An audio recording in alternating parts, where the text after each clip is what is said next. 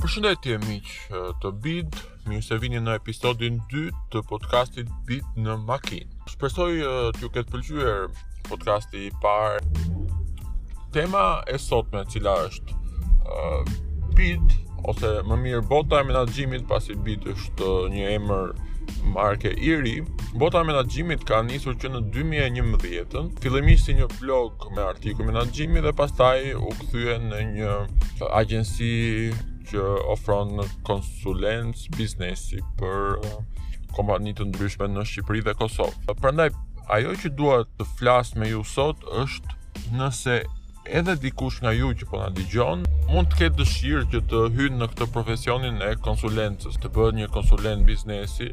Prandaj ajo që dua të flas sot me ju është t'ju shpjegoj pak a shumë rrugën se çfarë duhet të bëjë një njeri që ka dëshirë të futet në këtë industrinë e konsulencës së biznesit, sepse jo çdo kush mund ta bëjë, ka disa kushte që duhet të ketë, duhet të plotësojë disa karakteristika gjithashtu të jetë i gatshëm apo e gatshme të përballet me disa probleme të ndryshme që ka ky lloj themi profesioni apo lloj agjencie.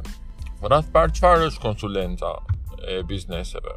Konsulenca për biznesin është pak a shumë si një doktor për pacientin. Pra, hapi i parë është që biznesi paraqitet tek ne me një problem të caktuar.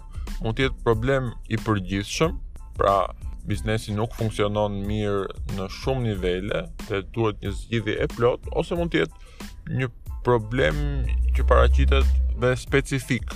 Për shembull, vetëm marketingu online themi, apo pagat e punonjësve apo gjëra specifike. Dhe mbasi klienti vjen, ne duhet të bëjmë diagnostifikimin. Pra, nga vjen ky problem? Ky është hapi numër 1 i zgjidhjes së problemit, identifikimi i arsyes që e shkakton, i shkaktarit, dhe më pas do vazhdohet me zgjidhjen.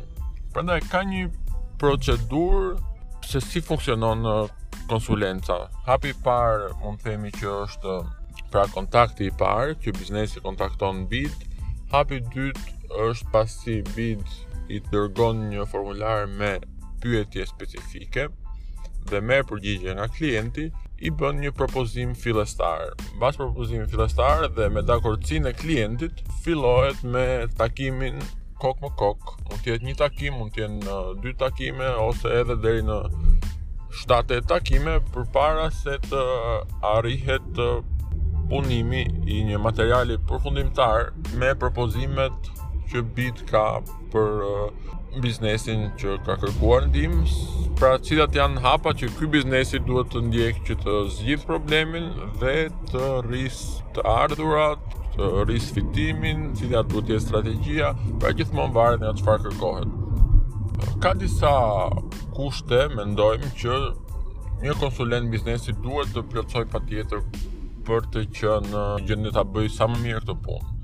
Së pari, jo se është 100% e nevojshme, por është mirë të ketë një arsimim biznesi, të ketë paktën një bachelor në administrim biznesi dhe gjithashtu edhe masteri do të ishte një diçka e mirë.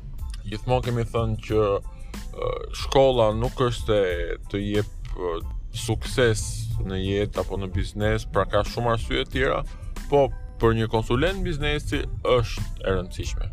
Ndoshta për një konsulent biznesi është më e rëndësishme shkolla se sa një biznesmen, sepse konsulenti i biznesit duhet të jetë në gjendje të punojë në sektor të ndryshëm biznesi, në industri të ndryshme dhe në problematika të ndryshme. Prandaj çështja e shkollimit mendoj se është e rëndësishme. Pastaj përpara se dikush të mund të ofrojë konsulencë, duhet të ketë paktën eksperiencë të paktën 4-5 vite në pozicione drejtuese nëpër biznese.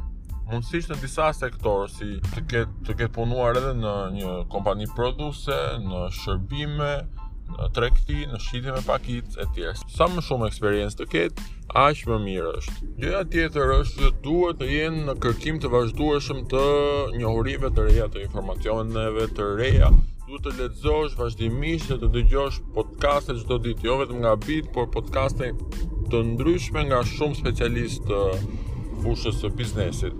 Uh, patjetër që mund të marrësh pjesë në trajnime dhe në kurse të ndryshme shtesë për të rritur atë përvojën dhe njohuritë e tua.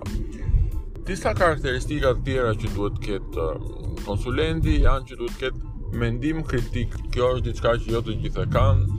Duhet të jetë uh, gjithmonë në kërkim të ideve të reja, të, të jetë një komunikues i mirë, uh, dhe diçka tjetër e rëndësishme të ketë integritet dhe kons dhe ndershmëri, sepse kontrata që bit bën me bizneset parashikon edhe një parim konfidencialiteti. Pra, konsulenti nuk mundet që ndërkohë që punon me një biznes, informacionin ta ndajë me të tjerë. Sidomos normalisht bizneset janë të shqetësuar që mos e ndajë me konkurrentët. Kjo është diçka shumë e rëndësishme.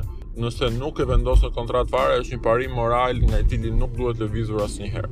Madje bit, jo vetëm njëkohësisht nuk mund të konsultojë dy biznese konkurrente, por ka lënë edhe një afat që varion sipas llojit të konsulencës që mesatarisht është 6 muaj. Tani, duket bukur të, të jesh një konsulent biznesi dhe në fakt ashtu është. Çdo ditë është ndryshe, përballesh me sfida shumë interesante, Ke njohuri kontakte nga më të ndryshmet dhe shkurt është shumë mirë. Ke benefite nga më të ndryshmet si financiare ashtu edhe profesionale. Por ka edhe disa probleme.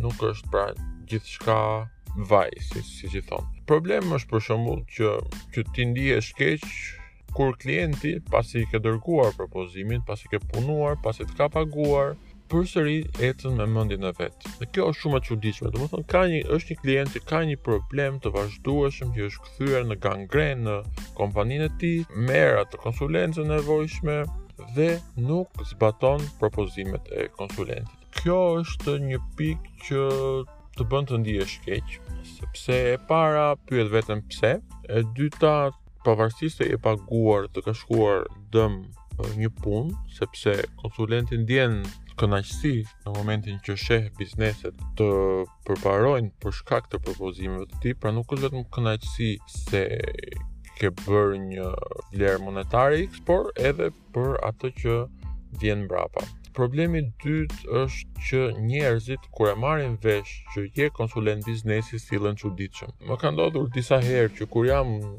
mes disa njerëzve, themi në një festë dhe ka njerëz që nuk i njoh, kur prezantohesh si konsulent, të shohin fillimisht çuditshëm dhe të pyesin aty për aty që t'i japësh mendje për biznesin e tyre, nqoftëse kanë apo nqoftëse s'kanë, t'i japësh mendje se çfarë biznesi duhet të hapin. Kjo është njësoj si të pyesësh një doktor se çfarë problemi ka dikush vetëm duke duke e parë dikë.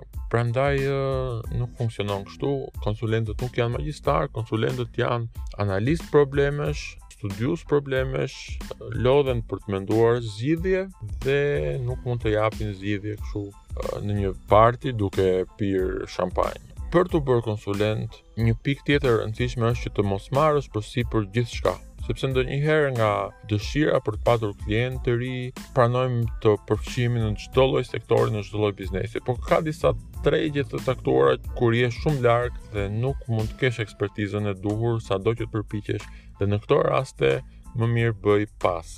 Gjithashtu, në periudha të caktuara kohore mund të jesh i ngarkuar, themi me 4-5 projekte, të vjen një klient i ri dhe në këtë rast, nëse nuk je i bindur që mund të japësh maksimumin për të gjashtë këto projekte, Përsëri më mirë është të refuzosh. E rëndësishme është cilësia dhe jo sasia. Më mirë të kesh 2-3 klientë njëkohësisht, por t'ia bësh punën siç duhet, të sigurohesh që ata do të marrin vlerën maksimale nga ty sesa të kesh 10 projekte dhe t'i lësh copa copa të gjithë. Fund fare, do të krijosh një emër si konsulent dhe emri krijohet duke bërë punë të mirë për bizneset. Ok, shpresoj që të kem qenë sado pak ndihmues për të gjithë ju që ndoshta kanë menduar t'i futen rrugës së konsulencës. Kjo është pak a shumë rruga që duhet të ndiqni. Nëse keni pyetje të tjera, mund të komentoni më poshtë dhe do të mundohemi të bëjmë një podcast posaçërisht për ju. Për momentin, mirupafshim.